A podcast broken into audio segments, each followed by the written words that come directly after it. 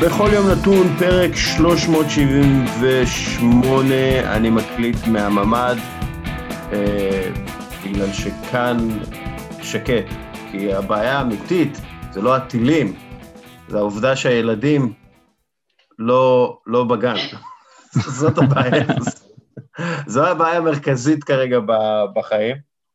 Uh, כן, כן, uh, אנחנו ב, בימים של מלחמה, ו, ובדיוק בשביל זה הבאנו את uh, יובל עוז. נעים מאוד. מרגישים NBA. כדי... אני לא בממ"ד, כי אין לי, אין לי אינטרנט בממ"ד, אז, אז אם אתם שומעים רעשים מסביב, זה כי אנשים פה חיים ו... ועושים רעש, אבל זה לפחות לא צעקות של ילד בוכה. לפחות זה.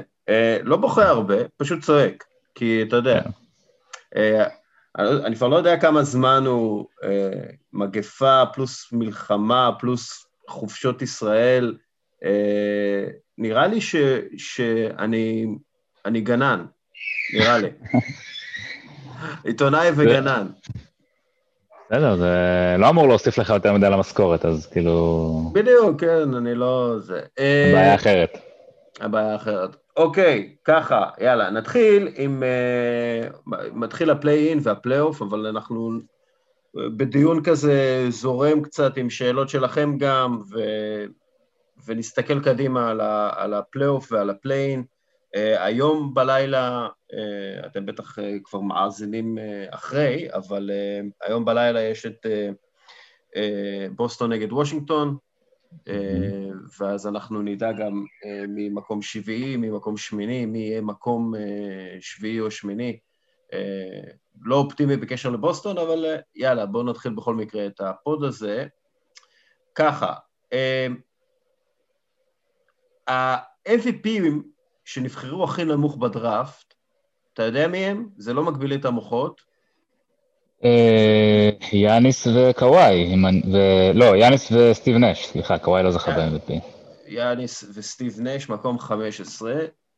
אה, ניקולה יוקיץ', הפייבוריט ל-MVP השנה, נבחר בסיבוב השני, בחירה מספר 41. אז אה, כשהוא יזכה בתואר, אה, ככל הנראה הוא יזכה, זה יהיה אולי התואר הכי מרשים מבחינת סיפור של כדורסלן. אה, כי, כי זה כדורסלן שבאמת מעטים חשבו שהוא יכול להיות אולסטאר לפני חמש שנים, אה, והפעם אה, הוא, הוא אולסטאר. אני חושב ו... שגם דנבר כשהם בחרו, לא, לא חשבו כן. שזה מה שהוא יהיה. כאילו האולסטאר היחיד ששיחק את כל המשחקים מהעונה הוא ה-MVP גם מבחינת מספרים, שוב, מספרים היסטוריים ל big man, הסנטר הראשון מאז בעצם שנת 2000, אה, שאקיל אוניל. טים דנקן נחשב סנטר כשהוא זכה ב-MVP או power forward?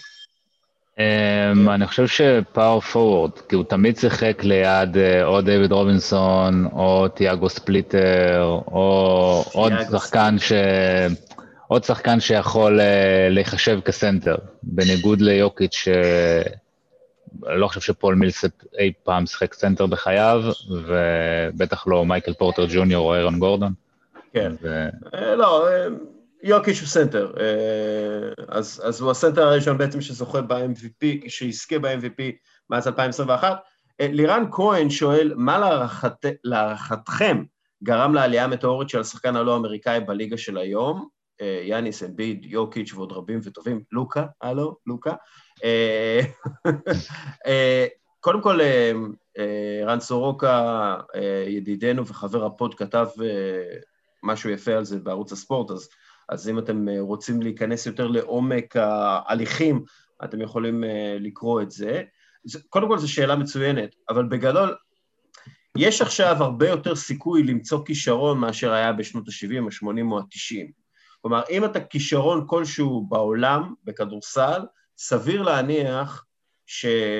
שיכירו אותך ויצליחו להביא אותך ו... ובעצם לתת לך את המסגרת הנכונה להתפתח בה, ואני חושב גם שהכדורסלן האירופאי כיום מגיע עם הרבה יותר, נגיד, גיוון בתנועה שלו ובתרבות שלו, אה, כדי בעצם לקחת כל מיני אלמנטים מענפים אחרים ו- ולערבב אותם בספורט הזה שנקרא כדורסל, משהו שאני לא בטוח שיש להרבה כדורסלנים אמריקאים. אז כאילו למשל יוקיץ' הביא המון לכדורסל מכדור מים וכדורעף, לוקה מכדורגל, גם יאניס, ו- ו- ואנחנו לא בהכרח רואים את זה ב- ב- בשחקנים אמריקאים שהם מאוד פוקוסט אה, כדורסל מגיל מאוד צעיר, אה, ו- ואולי בגלל זה קצת חסר להם אה, אלמנטים. כן, אני, אני חושב שמה ש... אני לא קראתי עדיין את ה... לא ראיתי עדיין את הכתבה של סורוקה, אבל אני מניח שהוא מדבר שם על זה שזה איזשהו פיק של תהליכים שהתחילו כבר לפני כמעט 30 שנה, זאת אומרת, מאז הדרימטים בברצלונה, שבעצם. כל תהליך הגלובליזציה וההשתלטות של ה-NBA כענף גלובלי הגיע לאיזשהו שיא, או התחיל שם בעצם, אז עכשיו הגיע לאיזשהו שיא בשנים האחרונות, כי כבר הדור בעצם שנולד ב-92, נולד כבר ל-NBA, אז בעצם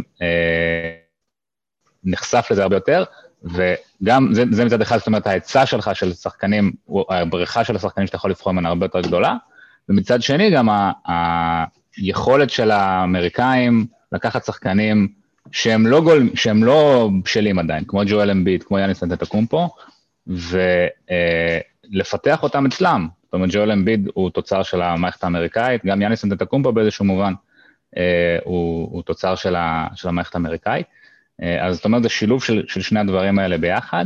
זה, אבל זה בהחלט לא, האמריק... לא... האירופאים מביאים משהו, משהו שהוא קצת שונה, האירופאים וגם האפריקאים, כן. יש לומר.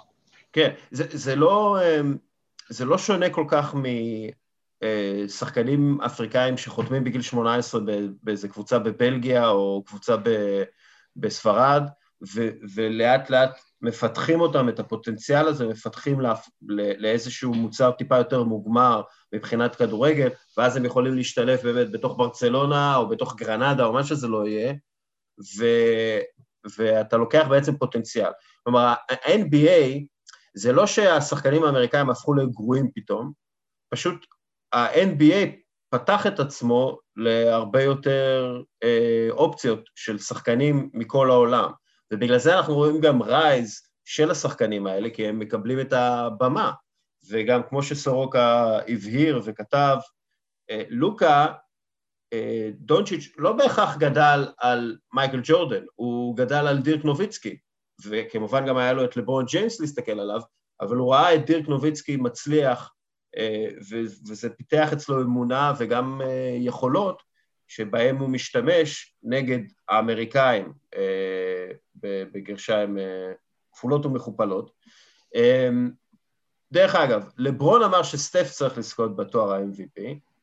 יש לומר שלמרות שזה, בוא נגיד שיוקיץ' הוא אה, MVP מאוד לא פופולרי, גם בקרב השחקנים האמריקאים וגם בקרב אה, הפרשנים האמריקאים,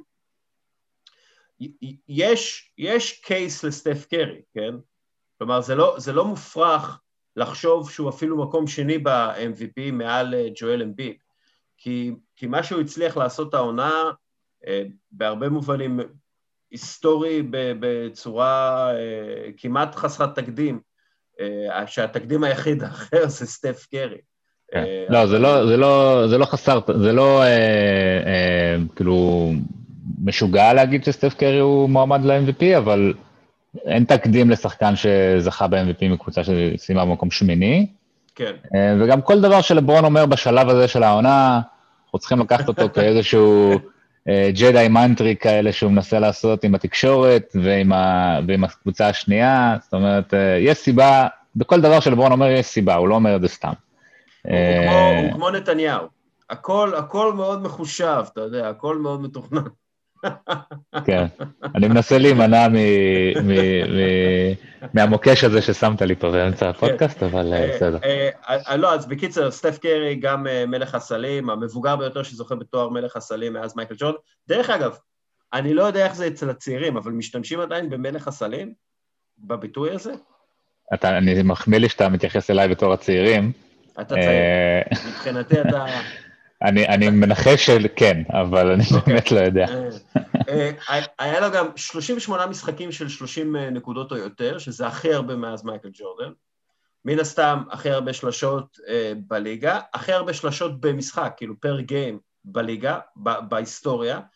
אה, שבעה משחקים העונה של, אה, של עשר או יותר שלשות, ש- שזה גם כן אה, פעם ראשונה בהיסטוריה שזה, שדבר כזה קורה.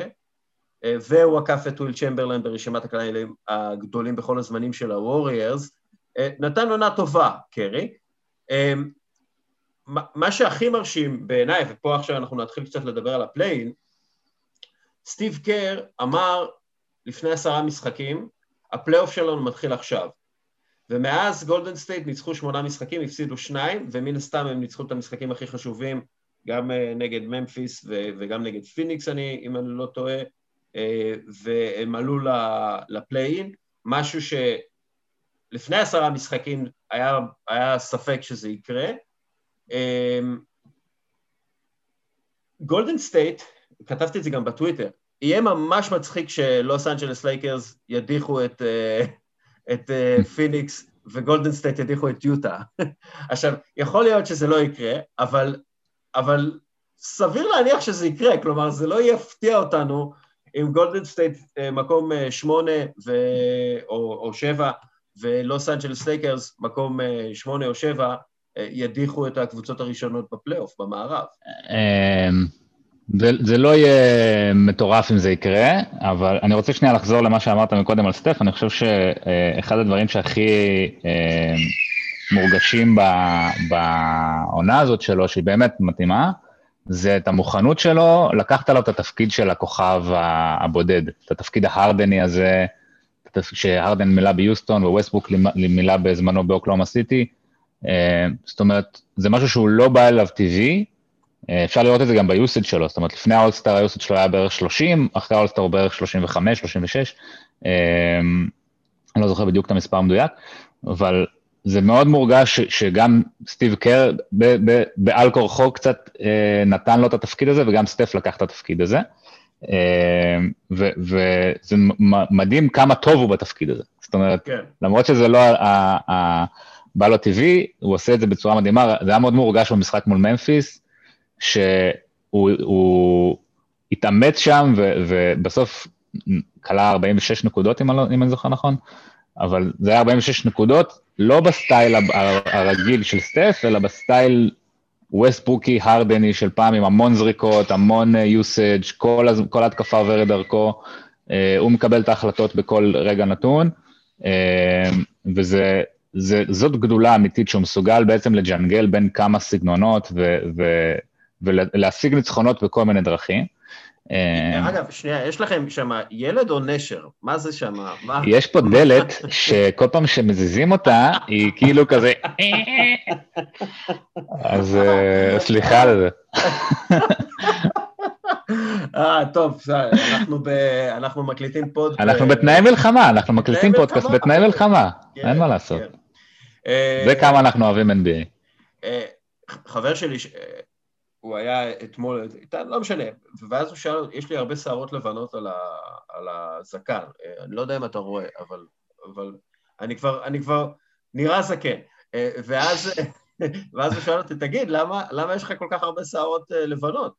ואז אמרתי, תראה, מגפה עולמית, מלחמה, ואני אוהד ארסנל, וגם בוסטון סלטיקס, אז בכלל, אני במצב... כאילו הזדקנת בשנה אחת באיזה 20 שנה. כן. חזרה לקר וקרי. דרך אגב, הסתכלתי על הנתונים של אנדרו ויגנס, כי הוא סוג של שחקן חשוב בגולדן סטייט ווריורס, שהיא סוג של קבוצה מאוד חשובה ב-NBA כרגע. ויגנס מסיים את העונה עם האחוזים הכי גבוהים בקריירה שלו מהשדה, כמעט 50 אחוז, 48 אחוז, אחוזים הכי גבוהים מהשלוש, 38 אחוז, ה-true shooting הכי גבוה בקריירה שלו, 56.8 אחוז, גם הכי הרבה שלשות בקריירה לעונה וגם הכי הרבה בלוקים. בקיצור, הוא שחקן טוב. הריסון בארנס כזה עם שכר גבוה מדי, mm-hmm. והלקח, אל תשחקו במינסוטה, ילדים, כי אל תחשבו שאתם... לא, אבל אני חושב שהשהות של ויגנס ליד uh, קרי, אה, עזרה לו מאוד להפוך לשחקן שהוא, ועכשיו הוא שחקן לגיטימי. חבל, חבל שזה קרה רק שבע שנים אחרי שהוא הגיע לליגה. כן, אבל... והתחושה היא, אצל ויגנס, שאני רואה אותו, זה, זה אה, משהו שאורן לוי, שכתב איתי בוואלה פעם, אה, אמר, ואני מאוד מאוד מסכים עם זה, זה כמו לראות למבורגיני נוסעת על 60 קמ"ש כל הזמן. כאילו, נהג של למבורגיני שמתעקש לנסוע על 60. כאילו, כן. אתה fucking אתלט משוגע, הוא, הוא הולך ל, ל, ליד הסל והוא, והוא עושה layup, כאילו, וחוסמים אותו בדרך.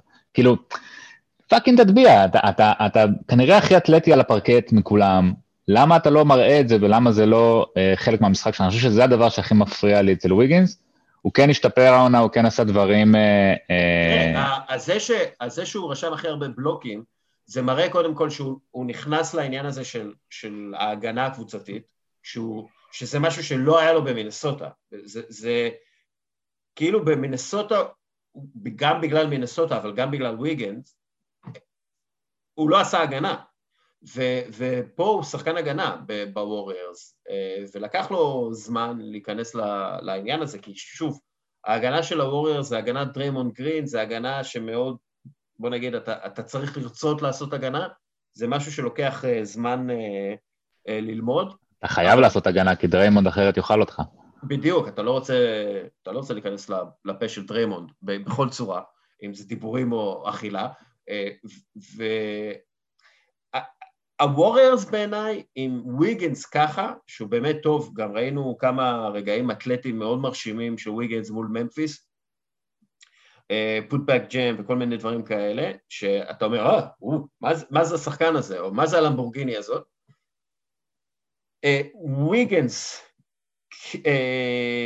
קרי ודרמון גרין הם שלישייה מאוד משונה, אבל הם שלישייה שהופכת את גולדן סטייט ווריירס למקום 7-8 הכי טוב בהיסטוריה בעיניי. הם, הם המדורגת שמונה הכי לא טיפוסית שיש. גם, כן. תסתכל על הנתונים שלהם ב-15 משחקים האחרונים, הם ה net rating הרביעי הכי טוב בליגה, ההגנה השנייה הכי טובה בליגה.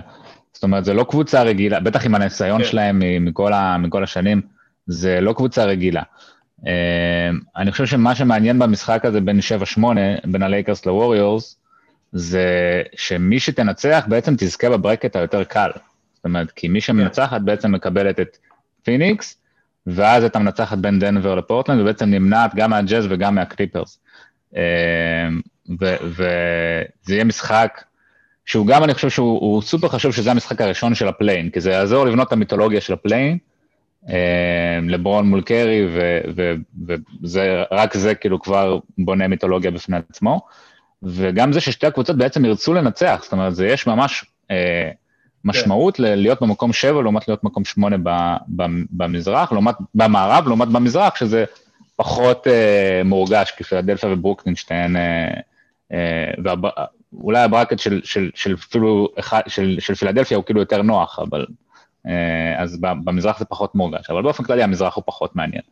אה, אה, אתה יודע, ונעבור גם באמת לדבר, בגלל שאנחנו רואים את הפלייאים והפלייאוף, ובכלל כל העונה הזאת כעונה מאוד, הכל מאוד משונה, והכל מאוד מוזר, עיין ערך אטלנטה נגד ניקס במקום 4-5 במזרח, אבל בוריס גורובני, או סליחה, בוריס גורובוי, בוריס גורובוי, בואנה, זה, זה שם חזק מאוד. זה שם של גיבור מלחמה סובייטי. אמ, בוריס אה, גורובוי שואל, האם ליוטה ופיניקס יש סיכוי ללכת עד הסוף, או שהעונה הרגילה באמת לא דוגמה לשום דבר? ודולב רוזן שואל, אה, למה אף אחד לא לוקח ברצינות את יוטה ופיניקס, שזה בעצם אותה, אותה שאלה, כי, כי פיניקס ויוטה, העונה, למרות, שוב, שזו עונה מאוד משונה ו, ואנחנו המקומות מאוד מושפעים ממה שקרה בעונה שעברה ומהקורונה וכל מיני דברים כאלה. העונה זה באמת טסט קייס, האם העונה הרגילה חשובה או לא חשובה. אה, יוטה ג'אז נותנת עונה היסטורית מבחינתה, הפעם הראשונה שהיא עם המאזן הכי טוב בפלייאוף, הקבוצה הראשונה דרך אגב, היחידה בהיסטוריה שקולעת לפחות אה, עשר שלושות בכל משחק שלה במהלך העונה, אה, אבל אף אחד רציני, ממה שאני קורא, לא רואה אותה כפייבוריטית ברורה לאליפות, כנ"ל פיניקס, אף אחד לא רואה אותם, גם ההימורים בלאס וגאס לא רואים אותם, אף אחד לא רואה אותם כפבוריטים, שזה, אתה יודע, מקום ראשון, שני ב, במערב, זה כאילו, הם כן קבוצות טובות, זה לא שהן קבוצות כן. גרועות שהגיעו לשם בטעות. יובל? כן, סליחה. כן. אה, הייתי פשוט מעורב בהלם ממה שאמרת. אה, מה ש... תשמע, השם של בוריס באמת, אתה יודע... כן, הבוריס, אני הייתי overwhelmed מבוריס. אה, אני חושב שנכוונו פשוט. אני חושב שאטלנטה הוקס של 2015 וטורונטו של 2016, 17, 18 ומילווקי של השנתיים האחרונות, השאירו לנו קביעות כואבות מלהתלהב יותר מדי מקבוצות טובות, שהן טובות בעונה הרגילה. וטובות בצורה שאתה לא בטוח איך זה הולך להתרגם לפלייאוף. זאת אומרת, we need to see גם, it. גם יוסטון. אה, יוסטון אני חושב אבל פחות מ... פחות כאילו גם, אבל שהייתה... פחות מאטלנטה וטורונטו, כאילו. כן. אטלנטה וטורונטו זה ממש היה קבוצות ש... ש... בעונה הרגילה, אתה יודע, 60 ניצחונות וזה, ואז בפלייאוף באות וחוטפות סוויפים. אז זה, זה כאילו היה ממש, אני חושב שאטלנטה וטורונטו ממש, הם, הם היו הנקודה שבה הפער בין העונה הרגילה לפלייאוף שתמיד היה, אה, התרחב. ועכשיו התפקיד של יוטה זה, זה, כאילו יוטה עכשיו חיה במציאות הזאת, שכבר הפער הזה הוא רחב ובעצם הם צריכים, למרות כל מה שהם עשו בעונה הרגילה, ובאמת העונה הרגילה שלהם מדהימה, נט רייטינג 9.0 הכי גבוה בליגה, הכי הרבה שלשות אי פעם, כאילו, קייס סטטיסטי פלולס, כן. אה, הם עדיין צריכים להוכיח את עצמם. אה, אז יוטה, ותשמע, אתה מסתכל על הנתונים בקלאץ' נגיד, אז, אז לא, זה לא נותן לי יותר מדי ביטחון. זאת אומרת, אין להם מאזן מדהים בקלאץ', דונובל מיטשל קולע באחוזים באיזה 30 ומשהו אחוז מהשדה, 25 אחוז מהשלוש. זאת אומרת, זה לא, אני לא מרגיש יותר מדי ביטחון בדבר הזה. פיניקס, הייתי מרגיש הרבה יותר ביטחון, את האמת, לגבי, לגבי פיניקס, אם, לא הייתי, אם, לא, אם, אם הם לא היו פוגשים את הלייקרס כנראה בסיבוב הראשון, כי אין להם matchup טוב מול הלייקרס. אה, ו- וחבל, כי אני חושב שפיניקס דווקא, כל עוד, מול כל קבוצה אחרת שהיא לא הלייקרס, יש להם סיכוי ממש טוב, כי הם קבוצה ממש טובה, אה, ויש להם גם אה, חמישייה שאני סומך עליה ב money time. אה, פשוט מול הלייקרס ספציפית, אה, עם דייוויס וגסול והרל ודרמונד, וכשלהם יש רק את אייטון ואת סאריץ', זה קצת אה, אה, משימה קצת קשה בשביל פיניקס. אז אני חושב שיוטה, אני חושב, נופלת על הקטגוריה הזאת של אטלנטה, טורונטו, מילווקי, ופיניקס פשוט זה משהו ספציפי נורא, שפשוט אה, עניין של matchup שהוא לא טוב להם. Yeah. כן. אה, אז אני חושב ש... זה עונה על התשובה של בוריס. אתה יודע, גם בוב מיירס, ה general manager של גולדן סטייט ווריורס, דיבר על, על כמה הפלייאוף הוא לא אותה עונה רגילה. הוא, הוא, הוא אשכרה אמר, מדובר בשני ענפי ספורט שונים. ואז הוא דיבר על, על דרך שפה שופטים את המשחק, הזמן ששחקנים גדולים משחקים במשחק, אה, אז הספסל כאילו שונה לחלוטין, אתה לא יכול להשתמש באותם שחקנים שהשתמשת בהם בעונה הרגילה. הוא מדבר על זה שאתה מתכונן למשחק בצורה שונה. אה, לחלוטין מהעונה הרגילה. אה, והוא מדבר על זה שכאילו, התנועה הראשונה של שחקן גדול, שהוא הולך אליה, אין אותה יותר. כלומר, הוא, הוא כמו שחקן, הוא, הוא שחקן שמכירים הרבה יותר טוב, מ, מ, אה, ו, ולכן קל יותר לנטרל אותו, והשחקנים הגדולים באמת עולים, עול, עולים על עצמם.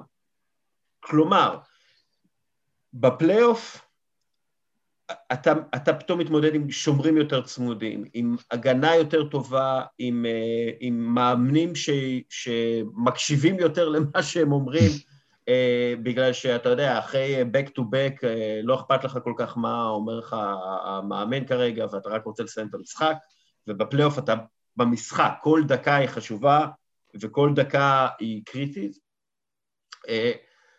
אז אני חושב שהקבוצות הגדולות עם השחקנים הגדולים מבינות את זה מצוין, אה, ופיניקס ויוטה, יוטה יכול להיות שהם למדו הרבה מהעונה שעברה, לא בטוח, אני, אני לא יודע כמה הם למדו, בגלל שראינו אותם בפלייאופים, זה לא, זה לא פלייאוף ראשון שלהם עם הקונסטלציה הנוכחית, וזה לא, לא שהם השתפרו בצורה הזאת כל פלייאוף, נגיד את זה ככה.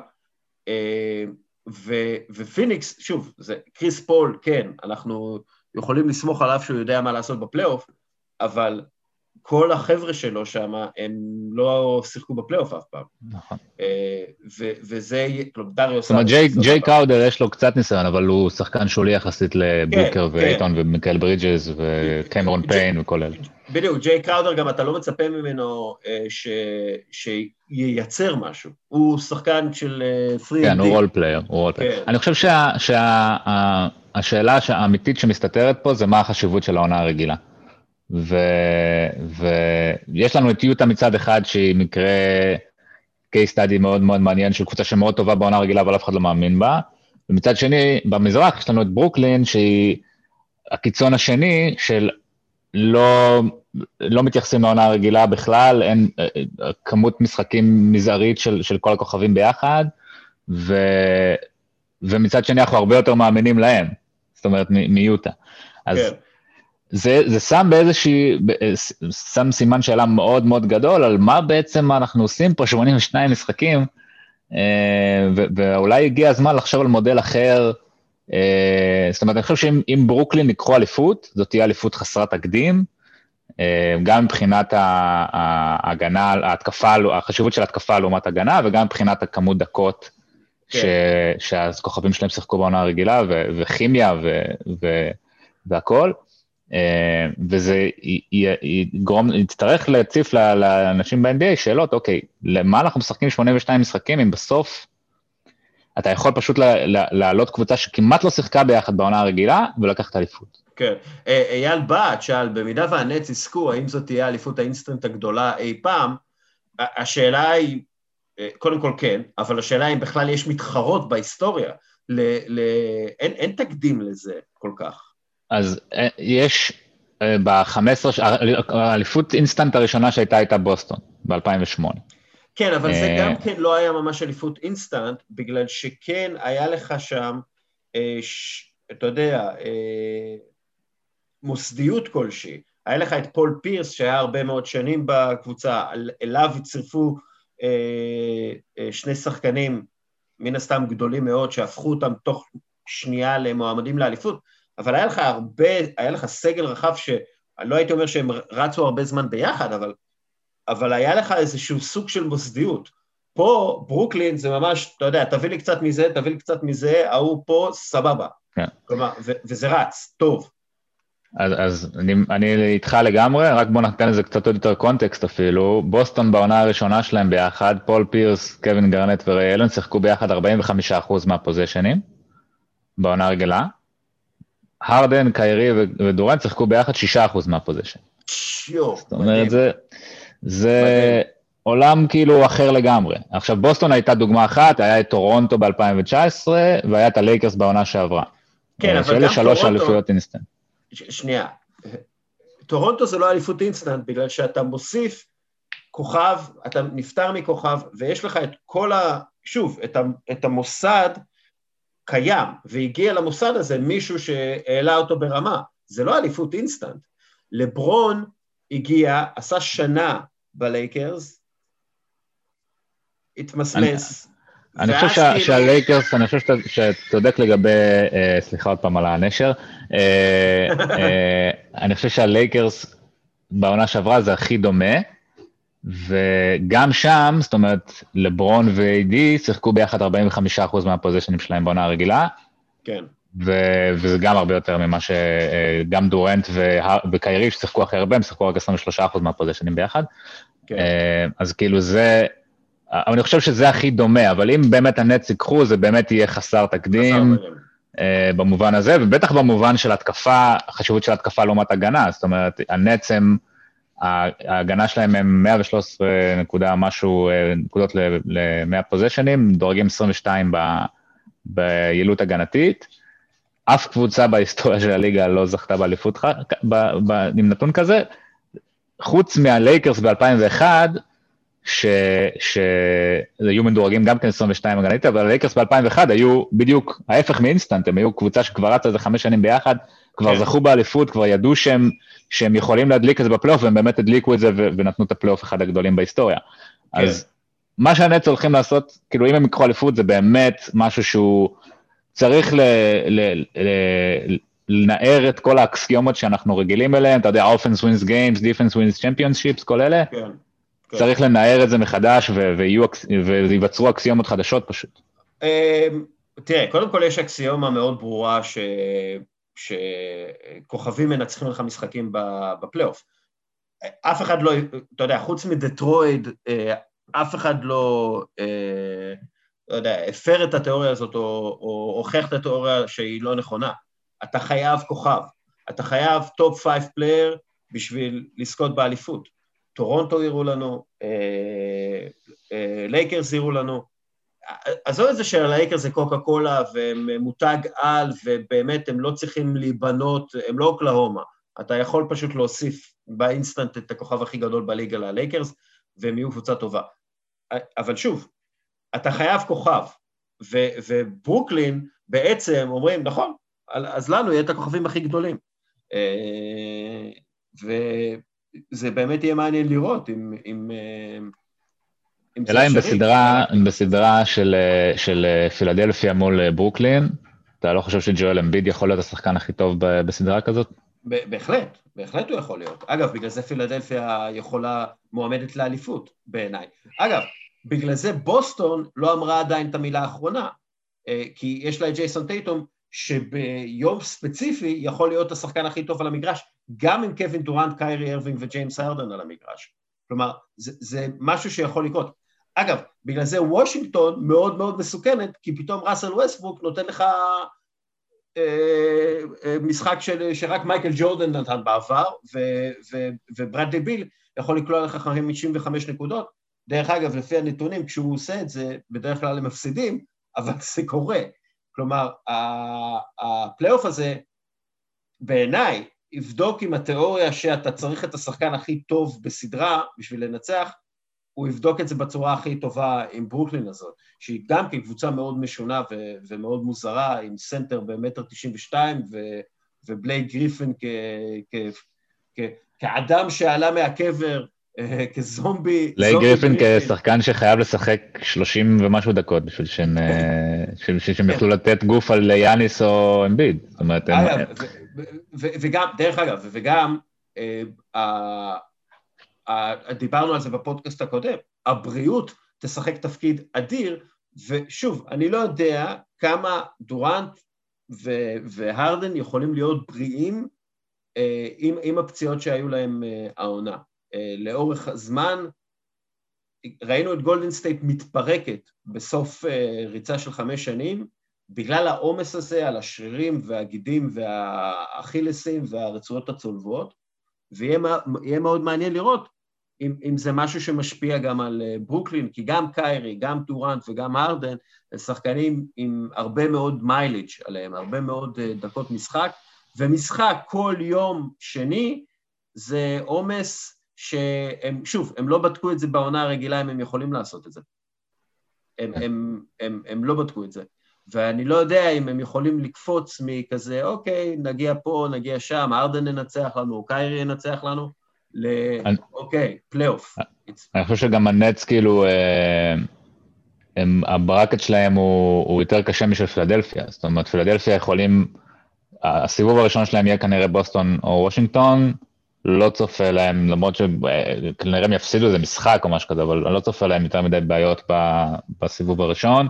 סיבוב שני מול ניקס ואטלנטה, גם כן לא, כאילו, שתי הקבוצות האלה יעשו את שלהן בעצם זה שהם יגיעו לחצי הגמר, ורק אז הם פוגשים או את, או, או את מיאמי, או את, או את הנץ, או או את מילווקי, והנץ יצטרכו לעבור אה, גם את מיאמי או מילווקי, שזאת הסדרה בעיניי הכי, הכי, הכי, שאני הכי מצפה לה בסיבוב הראשון, אה, ואז להגיע כבר לפילדלפיה, זאת אומרת, הם כן יעברו איזשהו מבחן לפני, אה, והם יצטרכו בעצם להוכיח שהם יכולים לשחק אה, רצוף, כי הם לא שיחקו רצוף, נראה לי יותר משבוע, אף אחד מהם, כן.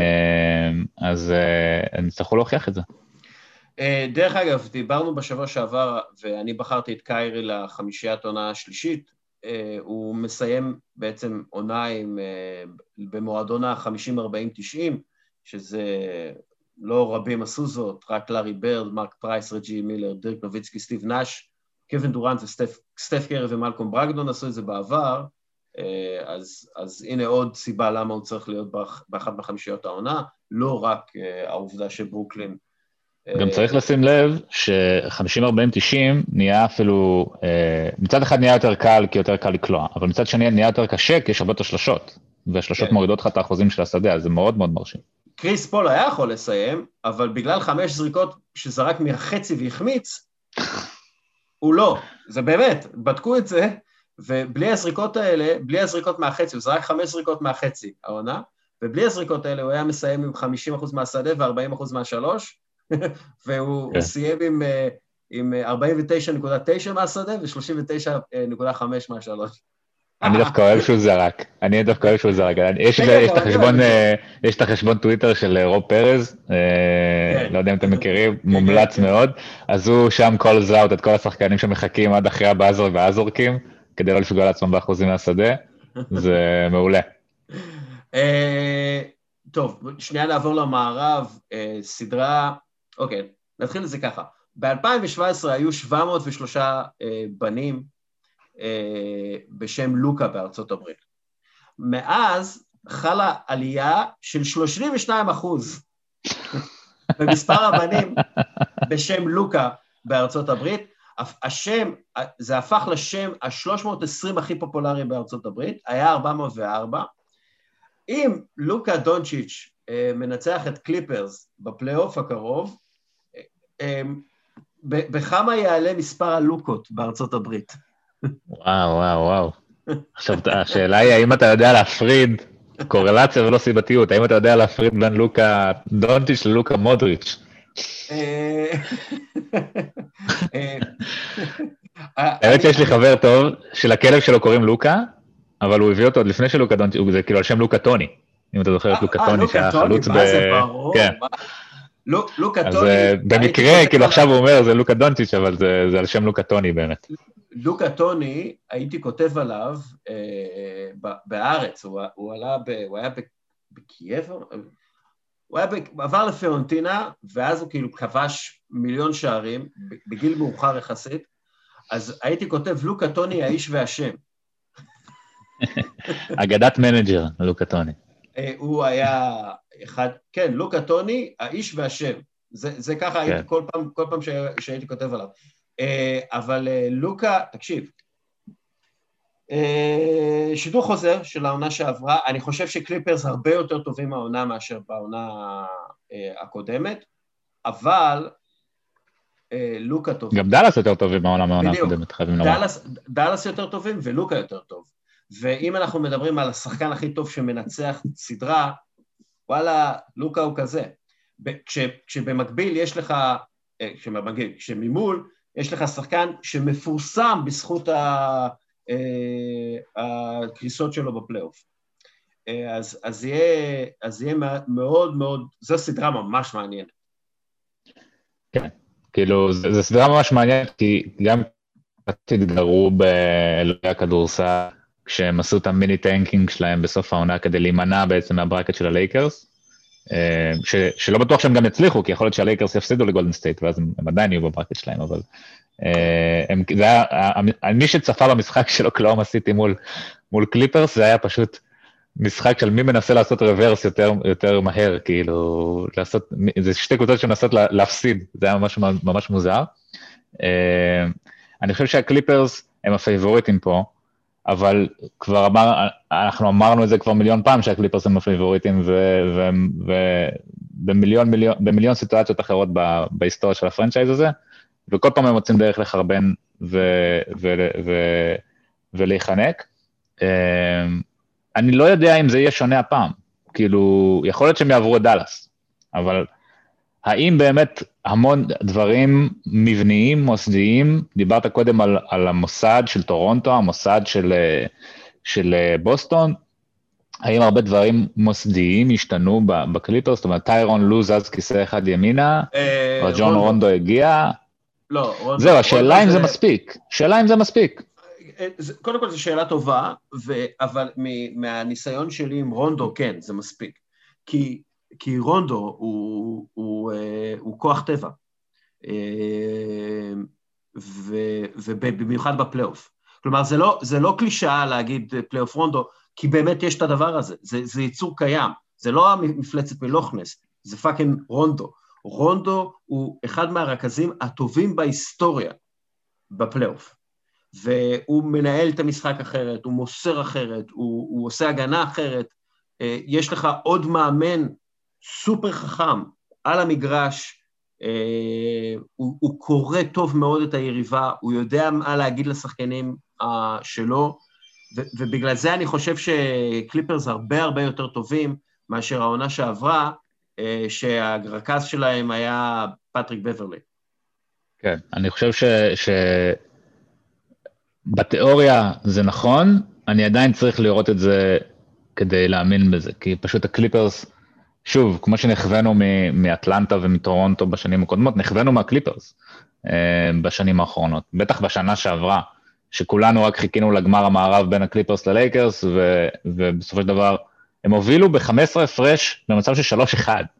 כאילו, זה אחד המלדאונים הגדולים בהיסטוריה.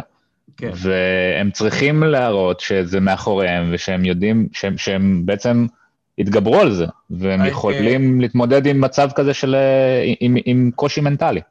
Uh, אתה צודק, ו- ובגלל זה גם הביאו את רונדו.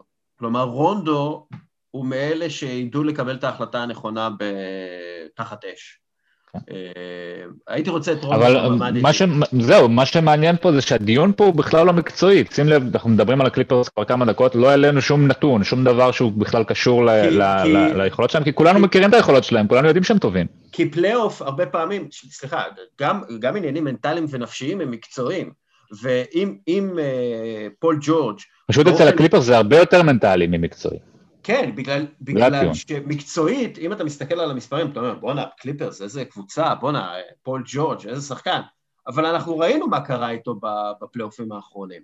כלומר, אה, אה, אה, ראינו אותו, וזה לא בגלל שהוא, לא שחקן, שהוא הפך לשחקן גרוע, הוא פשוט מבחינה נפשית לא התמודד. אגב, הוא בעצמו גם הודה, הודה בזה, הוא אמר שהוא היה בדיכאון וכל מיני עניינים כאלה, מה שלא הסביר את הנפילות שלו ב, ב, ב, בזמנים אחרים, אבל הוא עצמו הודה שזה מנטלי לא מקצועי נפשי, אז, אז מן הסתם בפלייאוף יש לך הרבה מאוד אלמנטים נפשיים, וקבוצות שהן חזקות יותר, חס, אה, חסונות יותר מבחינה מנטלית, הן קבוצות עם יתרון.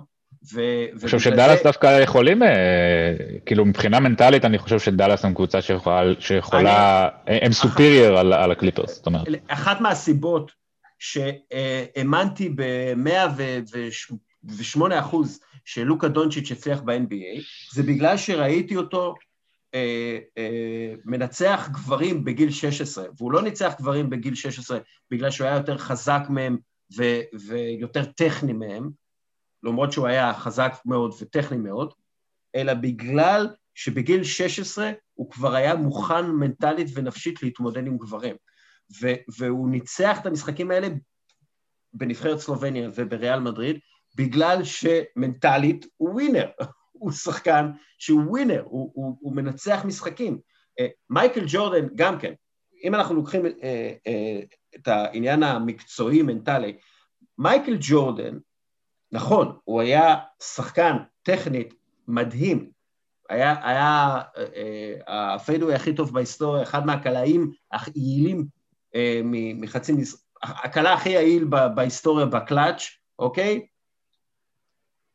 זה בגלל המוח שלו, לא בהכרח בגלל הרגליים שלו.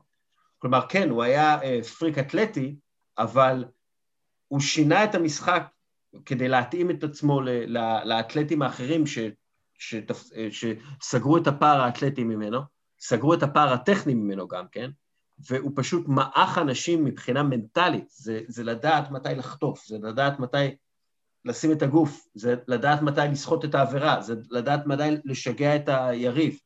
ובקטע הזה רונדו הוא מצוין.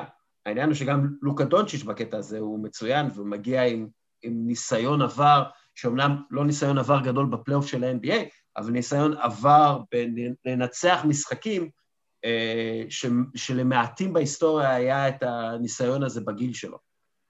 כן, הקליפרס הם, הם, הם, הם, אה, הם היו חייבים שחקן כמו רונדו, הם, זאת אומרת, הם מקצועית טובים יותר מדאלאס, מנטלית כנראה שלא, אבל יכול להיות שרונדו יסגור את הפער הזה מספיק בשביל שהם יעברו את הסדרה הזאתי, אה, ואני מאוד מאוד מחכה לסדרה בין לייקרס לקליפרס, אני חושב שזה הסדרה שאנחנו מחכים לה כבר שנתיים, כן. אה, ואם זה יקרה, יהיה, יהיה, יהיה ניצוצות. אה, אמיר בכר שאל למה הקליפרס כל כך מפחדים מהלייקרס, שמעדיפים לקבל יריבה חזקה יותר ברבע גמר ואת יוטה בגמר. אוקיי, אני חושב שהבנתי את השאלה, אבל כאילו, הקליפרס מפחדים מהלייקרס, אני לא יודע אם זה פחד, אלא... כי, כי הלייקרס קבוצה ממש טובה, כש... הם, הם, הם אלופי ה-NBA, אה, ויש להם את לברון ג'יימס, כן. שמלבד עונה אחת שבה הוא לא הגיע לפלייאוף, היה בגמר בכל עונה בעשור האחרון. אה, אז אה, הוא שחקן טוב. אני חושב שהלייקרס, אני חושב שזה דווקא זה segue טוב לדבר על הלייקרס, כי אני חושב שהלייקרס עומדים בפני אתגר מאוד מאוד גדול, זאת אומרת, אף פעם קבוצה לא זכתה באליפות ממקום שבע. אה, אף קבוצה בכלל לא הגיעה ל finals במקום שבע, זאת אומרת, ניקס פעם הגיעו ממקום שמונה, אבל זה היה גם כן בעונה של השביתה, והכל שם היה אה, מוזר. אז גם העונה היא עונה מוזרה. שוב, זהו, כנראה שאם היה עונה של 82 משחקים, אז הלייקרס היו סוגרים את הפער, כבר היו מסיימים במקום חמש או משהו כזה, כי כאילו הם היו סוגרים את הפער, היו עוברים את פורטלנד ודאלאס כנראה. אה, וכנראה לא היה לך את הפציעות של, אם העונה הייתה רגילה, לא היה לך את הפציעות האלה של לברון ואנטוני דייוויס. שהרחיקו אותם לכל כך הרבה זמן מהמשחקים. נכון, אז, הם, אז גם הם, כמו שגולדן סטייט הם לא מדורגת שמונה טיפוסית, הלייקרס הם ממש לא מדורגת שבע טיפוסית, אה, ו, ואם אתה מפרק את זה, הם לפי דעתי פייבוריטים להגיע לגמר, זאת אומרת, לגמר המערב בוודאות, זאת אומרת, מול פיניקס, אם הם מנצחים את גולדן סטייט, שזה אם גדול מאוד. תשמע, אה, לברון הגיע לשני משחקים האחרונים, הוא היה, הוא נראה כמו מפלצת. זה, זה היה משהו... אתה אומר, רגע, רגע, רגע, הוא, הוא לא היה עכשיו כאילו פצוע? וזה זה כאילו, הוא, הוא נראה ב-200 קמ"ש, היה איזשהו קטע שהוא חוטף את הכדור, שניים רצים איתו, צעירים, שני חבר'ה צעירים, הוא חוטף את הכדור, הם לא מגיעים אליו, הוא היה כל כך מהיר. זה, זה כן. היה קצת מפחיד. לא, גם חשוב לזכור שהקבוצה היחידה שניצחה את לברון בחמש שנים האחרונות בפלייאוף הייתה גולדן סטייט. זאת אומרת, כן. הוא לא הפסיד לאף קבוצה אחרת. אה, הוא, בפלייאוף, הוא, השחקן, במיוחד בפלייאוף, הוא השחקן הכי טוב בליגה, אה, בגלל שהוא יודע לנצל מיסמצ'ים, בגלל ש, שהוא, תשמע, הוא פיזי, הוא, בגודל של קרל מלון, אבל הוא זז כמו guard, כאילו לא, זה, זה סוג של אה, חיה שלא קיימת, לא, לא הייתה קיימת ולא תהיה קיימת כנראה גם עוד הרבה זמן. השילוב הזה בין אתלטיות לגודל, לחוכמת משחק. לפיזיות, זאת אומרת, זה, זה משהו שהוא חסר תקדים ב, ב, בהיסטוריה. רגע, יובל, אתה רוצה להגיד לי שלברון ג'יימס הוא שחקן כדורסל טוב? אה, קודם אמרת שמייקל ג'ורדן טוב בקלאץ', אז אני חושב שאנחנו בפודקאסט כזה של stating the obvious. לקראת, הפלייאוף, קבלו את כל הקלישאות. לחיזבאללה אין אינטרס לתקוף. אה, אה, תראה, אגב, כמה העונה הזאת מוזרה, סתם, יש לי נתון מבוסטון, כי ניתחתי מקצועית מה קרה עם בוסטון. אתה יודע, הסתכלתי על כל המספרים. והסתכלתי על כל הנתונים של בוסטון, כי, כי באמת מעניין אותי לראות אם העונה הזאת היא כל כך one off, שאי אפשר ללמוד עליה שום דבר על העונה הבאה. אה, והאם, אתה יודע, מדברים הרבה, מן הסתם בקבוצות של אה, אוהדי בוסטון וכולי, מדברים הרבה האם לעשות טריידים, האם להחליף, האם להעיף את אה, ג'יילן בראון, האם להעיף את בראד סטיבנס, אז קבל נתון. קודם כל, דיברנו על הנתון הזה ש, שהשחקנים כמעט ולא שיחקו ביחד העונה, אבל השחקנים המובילים. אבל תראה, הסלטיקס עם, עם קמבה, מרקוס סמארט, ג'יילן בראון, ג'ייסון טייטום ורוברט וויליאמס ביחד, בחמישייה, היו שמונה משחקים כאלה. הם ניצחו שבעה משחקים, הפסידו אחד מן הסתם, והם כלו 10.3 יותר נקודות מהיריבה בממוצע, שזה הכי טוב בליגה. כאילו, העונה הזאת כל כך מוזרה, אה, ש, שבאמת, אם בכל עונה אתה יכול להשיג קצת על, ה, על הפלייאוף, העונה אין, זה, זה, העונה זה כמעט מיותר, להסתכל על כן. המספרים של העונה הרגילה במחשבה על הפלייאוף. כי, שוב, ג'יילן בראון לא, לא ישחק אה, בפלייאוף הזה, הוא נפצע ו, וגמר את העונה. רוברט וויליאמס ישחק? זהו, שגם הוא סובל מפציעה אה, ברגל אה, שהיא לא קלה, שקולין, אה, לא קולין קפרניק, פטריק מהומס סבל ממנה, וצריך כאילו, צריך ניתוח בעיקרון. Mm-hmm. אז, או, הנשר. אז אני אומר פשוט, העונה הזאת כל כך מוזרה, שבאמת אנחנו לא יודעים מה הטעם של הפלייאוף בכלל יהיה. כי, כי זה, שוב, זה חסר תקדים. דרך אגב, מאוד דומה לעונה ש... מבחינת החוסר תקדימיות של זה. החוסר תקדימיות, אני לא יודע אם אפשר להגיד את זה, אבל uh, uh, כן, חוסר... זה הפודקאסט שלך, אתה יכול להמציא מילים אם אתה רוצה. החוסר תקדימיות, תביאו את אבשלום קור עליי. לא נראה לי שהאקדמיה ללשון uh, עוברת על הפודקאסטים ומצנזרת את זה. חכה, אולי. אז זהו, אז אני פשוט אומר, אה, אל תסיקו שום דבר מזה. אנחנו עוד מעט מסיימים. אה, ניקס, אטלנטה, נדבר שנייה על זה, כי, כי הזכרנו את זה כמה פעמים כקטע מוזר.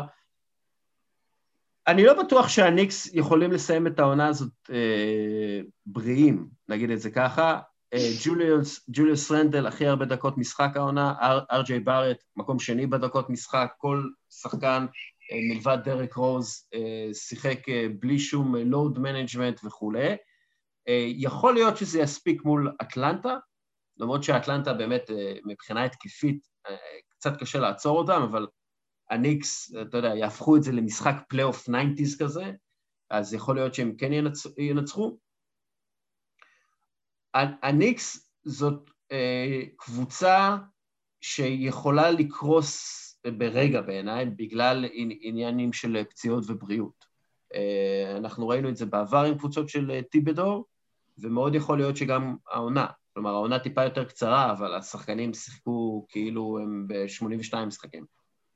אמ, תמיד הסיכון הזה של פציעות קיים תמיד, אצל הניקס הוא קיים קצת יותר, אבל אני חושב שמה שיותר מדאיג אצל הניקס זה שאין להם עוד הילוך אה, לעלות, בניגוד לאטלנטה. זאת אומרת, הם כבר עכשיו משחקים 42 דקות עם ג'וליוס רנדל. כן. אה, האוקס יכולים להגיד, אוקיי, אנחנו משחקים עכשיו 40 דקות עם טריי יאנג או בוגדן בוגדנוביץ' או קלינט קפלה, ומצמצמים את הדקות של ברנדון גודווין, כאילו לצורך העניין. אבל למה אה, לצמצם?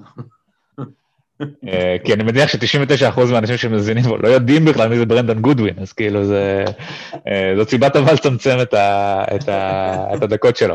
אה, אז זה אולי כאילו היתרון של אטלנטה על פני הניקס. אני חושב שהניקס אבל הם באמת קבוצה טובה, זאת אומרת, הם, הם, טיבודו שם בנה באמת, אני חושב שהוא כן. מאמן העונה, ו... הם, ו... הם, הם קבוצה טובה, אבל אני הייתי שם על העונה הזאת, שוב, כוכבית. כלומר, זה קבוצה טובה עם כוכבית. אה, כי... בסדר, אבל הניקס היו צריכים קבוצה טובה, הם כבר שבע שנים, כבר שבע, אה, נראה לי שמונה שנים לא הגיעו לפלייאוף. הם כן, ייקחו כל קבוצה טובה שתיתן להם, לא משנה אם זו אה, קבוצה עם כוכבית, עם סולמית, עם משולש, מה שתרצה. לגמרי, לגמרי, לגמרי, לגמרי. אגב, אני גם חושב שהניקס צריכים להימנע באופן אקטיבי מהחתמת כוכבים גדולים. לא, הם צריכים להביא את כל השחקנים שהם לא כוכבים בהגדרה. סטייל ג'וליוס רנדל. אתה, אתה צריך הניקס צריכים להיות חבורה של אה, מפרקי בשר, שחקני כדוריד ודרק רוז. זה, זה, זה מה שהם צריכים, כי, כי אני חושב שהכוכב בניקס זה, זה לא טוב. זה כמו תיאוריית אה, יואינג על, על, על היסטוריה שלמה של מועדון. גם כשהם זכו באליפות, לא היה להם שחקן שהוא אה, בטופ של הטופ של, ה, של ההיסטוריה. אה, גם אה, כש... האמת שזו תיאוריה מעניינת. כאילו, אתה אומר, האנרגיה של, של ניו יורק והקהל וה, והרוח של מדיסון סקוור גרטן בעצם דוחפת אותם, מביאה להם עוד איזה כמה ניצחונות. אה. אני, אני, מאמין, אני מאמין שהרוח הזאת, הרוח הקבוצתית הניקסית, היא, היא רוח שבניגוד לכל הקבוצות האחרות, אסור לך, גם, גם פטריק יואינג, הכוכב הגדול בהיסטוריה של, של, של הניקס, לא זכה באליפות, כן? ויש את כל תיאוריית תיאוריית יואינג, שזו תיאוריה של ביל סימונס, שהוא פיתח, לא משנה, כשהשחקן הכי, לא, הכי טוב שלך לא משחק, אתה יותר טוב. אני חושב שהניקס, ברגע שיש להם כוכב גדול, יש איזה ציפיות שאף אחד לא יכול לעמוד בהן. אה, וברגע שאתה לוקח את כל הציפיות האלה ומפזר את זה, מפזר אותם על פני שחקנים שאין מהם ציפיות בכלל, אז, אז אתה יכול לפרוח. אה, תראה למשל מה קרה לג'רמי לין. ג'רמי לין, אה, הוא היה רכז איכותי מאוד, דרך אגב, שחקן מאוד חכם, סבבה, היה את הלינסנטי, ואז הוא נעלם. כי, כי אתה לא יכול, הציפיות האלה של העיר ניו יורק ממך, הן אדירות, ואתה חייב להיות אישיות מאוד מאוד מיוחדת כדי להצליח בניו יורק לאורך שנים כניו יורקי, והציפיות האלה, שוב, אנחנו, אנחנו בעניין הנפשי-מנטלי, הציפיות האלה הן ציפיות שקשות מדי אה, עבור אה, שחקנים אה, ו- ואנשים צעירים, נגיד מתחת לגיל 35. ב-LA זה משהו שונה לחלוטין. ב-LA אתה כאילו, אתה צריך להיות כוכב. הציפייה ממך זה שתהיה כוכב ו- ושופטים אותך אחרת לחלוטין. בניו יורק, אם אתה כוכב אתה צריך להיות סיינפלד כזה, אתה צריך להיות מישהו. אוקיי, לא אכפת לו כזה שהוא כוכב. זה, זה, זה משהו באופי של העיר, משהו באופי של, ה, של האנשים שם, ולכן אני חושב שהניקס צריכים להיות הכי, הכי כאילו working class בקטע הזה, שחקנים ש, שעובדים, שחקנים שעושים הגנה, ומשחקים משחק gritty מאוד ניו יורקי, כלומר אה, מכות. אה, ואגב, בגלל זה אני גם חושב שברוקלין לא הכי מתאימה לניו יורק. כלומר, אם ברוקלין הייתה בלוס אנג'לס, אם ברוקלין הייתה אה, לוס אנג'לס קליפרס, הייתי מבין את זה יותר. ברוקלין, בגלל שבאמת בניו יורק לאף אחד לא באמת אכפת מברוקלין נטס, ואני לא בטוח שזה ישתנה בקרוב, אה, אז, אז, אז הם כאילו יכולים להיות עם הכוכבים הגדולים ולהצליח, אבל שוב, נראה את זה בפלייאוף, נראה איך זה עובד בפלייאוף. קיצר, עד, עד כאן ה rant שלי על אה, ניו יורק ולוס אנג'לס. ו, אה, מה ההימור שלך? לא עכשיו שטויות, ניו יורק, מה ההימור? של מה? במה? הניקס אטלנטה. אני חושב שהניקס ינצחו, אבל אני, אני, לא, אני לא בטוח בזה בכלל, כלומר, זה מבחינתי 52-48 אחוז. זה נראה לי סדרה שהולכת למלא הערכות, ו... ומשחק שבע, כאילו. זה כאילו סדרה כזאת שאנחנו נגיד סדרה מדהימה, שלא השפיעה על שום דבר בפלייאוף כמובן בקונטקסט הרחב שלו, אבל סדרה כזאת כיפית שכיף לראות. כן, אה, אני חושב שבעונה הבאה יגידו אנשים, מה, אטלנטה והניקס היו בפלייאוף? כזה, זה, זה נראה לי שמה שיהיה. זה ההימור שלי. הכי משכיל לעונה הבאה. אה, דרך אגב, אה, גם אלעד טאו וגם אה, דימה נודלמן שאלו על ה play-in. אז אלעד שאל, האם זה פייר לדעתכם, כלומר ה play-in, ואיזה פתרון אחר הייתם מציעים במידה ולא? אז אני חושב שכן. אם, אם, קודם כל, זה פייר, כי זה החוקים, כולם ידעו את החוקים כאילו... כולם הצביעו בעד החוקים, זאת אומרת... כולם הצביעו בעד החוקים, זה לא, אתה יודע, זה לא... לא שמישהו החליט בשבילם כולם, זה כולם כן. אה, בחרו את זה. כן, אה, ואני חושב שבשביל להפוך את זה להוגן יותר, צריך לצמצם את מספר המשחקים בעונה, ל-72, או לפחות אפילו, אה, וככה דרך אגב, כל משחק יהיה יותר חשוב, ובעונה רגילה ולא בעונה דחוסה, אנחנו גם נראה אה, יותר, נראה את הכוכבים יותר ויותר משחקים, בגלל שהם משחקים פחות, ובגלל שה play-in הוא משהו שהם ירצו להימנע ממנו, ולכן הם אה, יילחמו קשה יותר per משחק. אז אני חושב שזה הוגן כרגע, מן הסתם, ו... ואני... אני חושב שמה שזה עשה בשבוע האחרון של העונה זה מבורך. אה, זאת אומרת, היה לך multiple races שבדרך כלל לא קורה, אני חושב שגם קרה משהו מאוד מאוד משונה. זאת אומרת, היו שני משחקים, ראש בראש על מקום שמונה. כן. שבעונה רגילה זה היה מטורף, כי זה, כי זה מאבק על הפלייאוף, אבל בעונה רגילה זה כנראה לא היה קורה, כי וושינגטון היו מוותרים כבר מזמן על העונה, ועושים טרייד על ברדלי ביל, או עושים טנקינג, ו, ו, ובכלל מוותרים על העונה הזאת, כי לא היה להם סיכוי להגיע לפלייאוף. ו, אה, ובצד השני, גולדן סטייט וממפיס כנראה לא היו מגיעות בדיוק לאותו זה, כי גולדן סטייט היו מנסים לברוח יותר מהר, היה להם יותר urgency לברוח, אה, או להפך. ו... אז אני חושב שה play-in יצר גם את המשחקים האלה, זאת אומרת, זה לא שהמשחקים האלה היו קורים אם לא היה play-in. אה, ומה שזה עשה בשבוע האחרון, שהיה פתאום אווירה של פלייאוף, זה מעולה, הלוואי וזה יישאר ככה. אה, מה אפשר לעשות כדי להפוך את זה ליותר הוגן? לתת יותר משקל למי שמסיים מקום שבע, אני חושב. אה, חוץ ממשחק בית, אולי לתת להם כאילו עוד, איזוש, עוד איזשהו אה, התרכזות. פעם היה אבן יאור מספריים, היה התרכזות, אתה זוכר?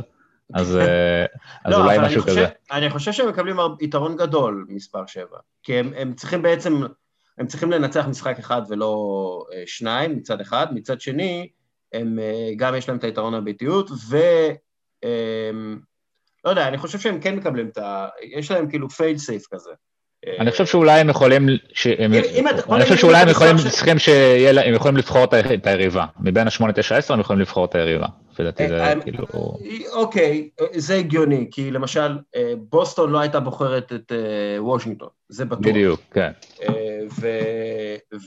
ווושינגטון, אתה יודע, זה סיפור play-in קלאסי, כי פתאום ראית כל משחק פלייאוף מבחינתם, אה, ובמקום לעשות טנקינג, אה, ראסל ווסטברוק לא היה מרשה את זה, הם מנצחים מתוך ה-23 משחקים האחרונים 17, שזה, שזה הישג מרשים לכל הדעות. כן, זה, הם, הם שיחקו נגד קבוצות שסיימו את העונה, הרבה מהמשחקים האלה, אבל אה, זה, הם, הם ניצחו גם את המשחקים הצמודים מאוד. ו, וזה באמת סיפור מאוד מרשים, וושינגטון. כן. אני חושב שזה אפילו צריך להיות אפילו, אה, כאילו וושינגטון זה הסיבה שב, שבגללה הפליי-אין, כאילו בקבוצות כאלה הומצא הפליי-אין, זאת אומרת וושינגטון העונה זה סוג של גרסה קצת פחות, יותר חלשה אולי של, של מיאמי מלפני ארבע עונות אני רוצה להגיד, 2017 אני חושב שזה היה, שהם אה, סיימו את העונה ב-31-10 ולא הגיעו לפלייאוף. אה, זה, זה בדיוק אה, סוג הקבוצות האלה ש, שכולנו רצינו שמיאמי תגיע לפלייאוף, כי הייתה קבוצה הרבה יותר חמה מכל שאר הקבוצות, מקבוצות שסיימו במקום 7-8 במזרח. כן. אה, ו... אגב, זה, זה, אגב, יהיה מעניין לראות אם, אם וושינגטון, אה, אתה יודע, יכולים להתמודד בפלייאוף, כי, כי תראה, ברדלי ביל נתן כמה סלים גדולים נגד שרלוט, אבל הוא לא בריא, והוא משחק על חצי hamstring, הוא, הוא משחק על רגל אחת. אה, וכאילו זה מאוד מרשים וכולי, אבל אתה יודע, זה, זה יכול להיגמר רע מבחינה, מהבחינה הזאת. הם גם כן קבוצה שסבלה מהרבה מאוד פציעות וקורונה העונה, אה, אז יהיה, יהיה מעניין לראות מה, מה הם יעשו. אה, ו, ושוב, אתה יודע, זה... אוקיי, הם מנצחים ואז הם יהיו, נגיד הם מנצחים בבוסטון ואז הם יהיו נגד ברוקלין, זה גם כן, שמע, מלא סיפורים, זה יהיה מעניין, אבל אה, כן. קיצר, כן, קצ... אה, מעניין, מעניין, הליגה מעניינת והפכה ליותר מעניינת בזכות הפליי-אין, זה אני בטוח, ובגלל זה, דרך אגב, הפליי-אין יישאר. כלומר, זה לא משהו שהוא רק העונה. כן, חד משמעית הוא יישאר. אה, יכול להיות שיעשו בו קצת טוויקים, אבל, אבל הוא יישאר לחלוטין, הוא יצר, כאילו, הוא יצר גם אה, מרדף אחרי מקום 10, גם מרדף אחרי מקום 6, אה, גם מרדף אחרי מקום 8, כדי להיות ב top של הפליי-אין, זאת אומרת, יש פה המון המון המון אה, אה, דברים שלא היו קיימים פעם, והפכו, ופשוט הופכים את הליגה ליותר מעניינת, ליותר מורכבת. כן, אה, טוב. מה, אה, יאללה, מה, לא דיברנו על מילווקי מיאמי כל כך, אבל בסדר, אתה יודע, יהיה לנו על מה לדבר אה, בשבועות הבאים. אה, ונראה לי שתשמע, הגענו לסטטיסטיקות של שמות בארצות הברית, אה, של שמות של בנים. אני חושב שזה... doesn't get any better than this. כן, deep dive די, אה, די מרשים. כן. תן לי כאילו, אבל בוא, בוא נראה לי נעשה אבל את ההימורים אולי לסיבוב הראשון, אני, סתם בשביל הכיף. אני שונא הימורים, אבל... בשביל הכיף. אתה יודע מה, בוא, דבר איתי, bracket bracket אה, מערב, נתחיל. יוטה נגד... לא, בוא נתחיל מהפליי-אין. גולדן סטייט לייקרס. אה, אוקיי. אה, אני חושב שלייקרס ינצחו. חושב. מסכים. סן אנטוניו ממפיס. ממפיס ינצחו, ואז ווריירס ינצחו את סן אנטוניו. סבבה. ואז, ואז יהיה לך לייקרס פיניקס וווריירס יוטה. אני מאמין שאת גולדן סטייט ינצחו את יוטה ושלייקרס ינצחו את פיניקס, sorry. אשכרה. זה יהיה מטורף. כן, מאמין שדנבר ינצחו את פורטלנד, ומאמין שהקליפרס ינצחו את דאלאס. אה, מה שיוביל לטרייד על פורזינגיס לאיפשהו. אה, זה, זה ה... אני במערב פליי-אין אה, אותו דבר, יוטה אני חושב ינצחו את גולדן סטייט, אני חושב שבאיזשהו שלב הם יפצחו אותם, ו... ופורטלנד אני חושב יעשו upset על דנבר. אני חושב שפורטלנד עם נורקיץ' בריא, אמ, יש להם matchup לא, סביר מול... אה, זהו, זה אם שהוא כאילו כבר לא, הוא לא קורה אף פעם בערך. כן. אה, אבל אם נורקיץ' בריא אז אני בוחר מהם. אני אגיד לך למה יש לי בעיה עם פורטלנד, כי הבעיה הכי גדולה שלהם בהגנה זה נגד wings, ודנבר זה כאילו סנטר ו wings. אז אני לא, וקמפצו. אז, אז אני לא יודע אם הם יכולים להתמודד כאילו ב matchup עם דנבר. הם מצליחים, הם יצליחו לנצח. זאת לא הולכת להיות סדרה עם המון המון נקודות. או, כן, כן, כן, כן. זאת תהיה סדרה עם המון המון נקודות. כן. מה, אתה יודע מה, אובר אנדר, נראה לי ש, ש, שסביר להניח שזו תהיה הסדרה עם הכי הרבה נקודות בהיסטוריה, כלומר, זה לא יפתיע אותי אם זה יהיה כן. העניין. שהם פשוט יקלעו מלא נקודות. Um, uh, טוב, מערב, אה, מזרח, דיברנו מערב, מזרח, פליי-אין, אה, בוסטון, וושינגטון, נראה לי שוושינגטון תנצח בגלל שהם הם, הם בכושר אדיר, ובוסטון באמת הגיעו צולעים וחולים ל, כן. ל, לסוף העונה, אז נראה לי וושינגטון, נראה לי בפליי-אין אה, ששרלוט תנצח, גם אני חושב, נראה לי אינדיאנה רק רוצים לגמור את העונה הזאת וללכת הביתה. כן, ונראה לי אז שבוסטון תנצח את ההורנטס, אה, כי, כי קמבה אה, לא, לא יוכל לשאת את הבושה אם, אם בוסטון תודח מ, מ, עם, דרך אה, שרלוט, ואז בוסטון נגד פילדלפיה, זה ייגמר רע מאוד מבחינת בוסטון, כי אין לה סנטר. כן. כאילו, זה...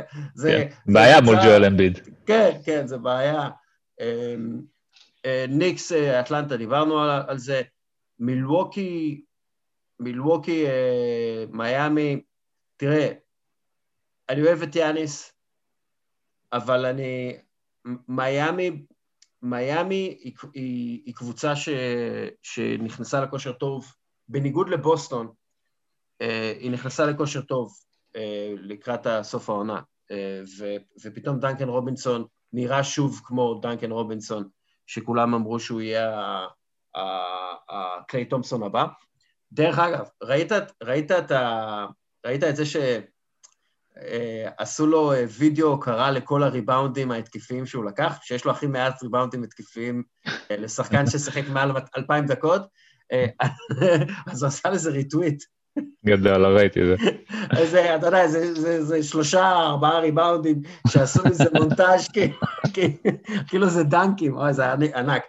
אה, מילווקי, למרות ג'רו הולידיי, אה, אני חושב שהקלה המוביל שלך צריך להיות מישהו שיודע לקלוע מהשלוש, ובפלייאוף אם אתה לא...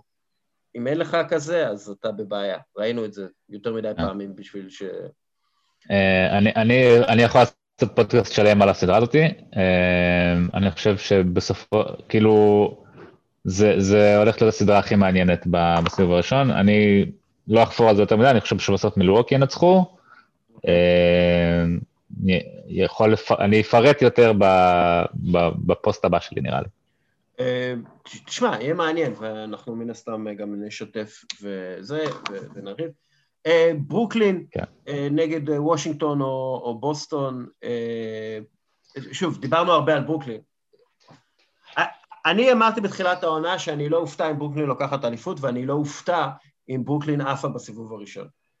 לא, אני מאוד מופתע אם ברוקלין יעוף בסיבוב הראשון. אני, אז אני, אני לא אופתע, כי אני חושב שיש איזה משהו בהרכב האנושי שם, גם מבחינת פציעות, גם מבחינת פציעות במוח, נגדיר את זה ככה, אני לא, אני לא בטוח שהם, הם, הם, הם סוג של על חבית נפץ. ואומנם אין את הלחץ של ניו יורק, שאולי היה אה, בגלל ששוב, בניו יורק לא אכפת מברוקלין, בטח כשהניקס בפלייאוף, אה, אבל אני מאמין ש... מטורף זה שברוקלין כאילו חיכו כל, ה, כל החיים להשתלט על ניו יורק, ואז ניו כן. יורק דפקו עונה, דפקו עונה כזאת. אגב, קצת כמו שהלייקרס והקליפרס, אה, מה שהלייקרס עשו לקליפרס. אמ, כן. אני פשוט, שוב, אני לא סומך על ההרכב האנושי שם בברוקלין. זה סבבה בעונה הרגילה, ו, ואחלה, ובאמת, הם, הם שחקנים מצוינים, אדירים, אבל ג'יימס הרדן בפלייאוף, אפרופו אה, הוכחות עבר ש, שזה לא תמיד עובד, קווין דורנט עם הפציעה שלו וה, וההתמודדות הפיזית, וקיירי ארווינג, שלך תדע, אם, מחר הוא החליט לפרוש בגלל הסכסוך היהודי-פלסטיני. אתה יודע, כאילו, אה, אי אפשר לסמוך עליו, אז אני לא... שוב, אני לא אופתע אם הם ייקחו אליפות, אני לא אופתע אם הם יודחו בסיבוב הראשון או בסיבוב השני. אה, אני אהיה מאוד מופתע אם יעופו בסיבוב הראשון, אה, בסיבוב השני קצת פחות, אבל אני חושב שהם יגיעו לגמר המזרח, ושם פילדלפיה, אני חושב שהמצ'אפ שלהם עם ג'ואל אמביד הוא פשוט בעייתי. אז אני חושב שברוקלין ינצחו בסיבוב הראשון, ופילדלפיה גם מן הסתם ינצחו. אבל יהיה מעניין, יהיה מעניין במיוחד עם וושינגטון, אם זה יהיה וושינגטון, ואז יהיה לך סדרה של ווסטבוק, הרדן ודורנט אה, ביחד. פיקנטי אה, משהו. כן, בקיצור, אנחנו לא הולכים לישון ולא בגלל החמאס. חד משמעית. אוקיי. יובל עוז, מרגישים NBA. נכון, אוריאל דסקל. תודה רבה לך. תודה לך. יאללה. אה, שיהיה שבוע שקט לכולם. שבוע שקט, ו- ותודה רבה גם לך, מאזין יקר. אולי זה דימה. אולי, אולי זה בוריס. בוריס. אולי זה בוריס. Uh, תודה רבה לך, מאזין יקר, uh, על שנשארת עד הסוף. יאללה, ביי.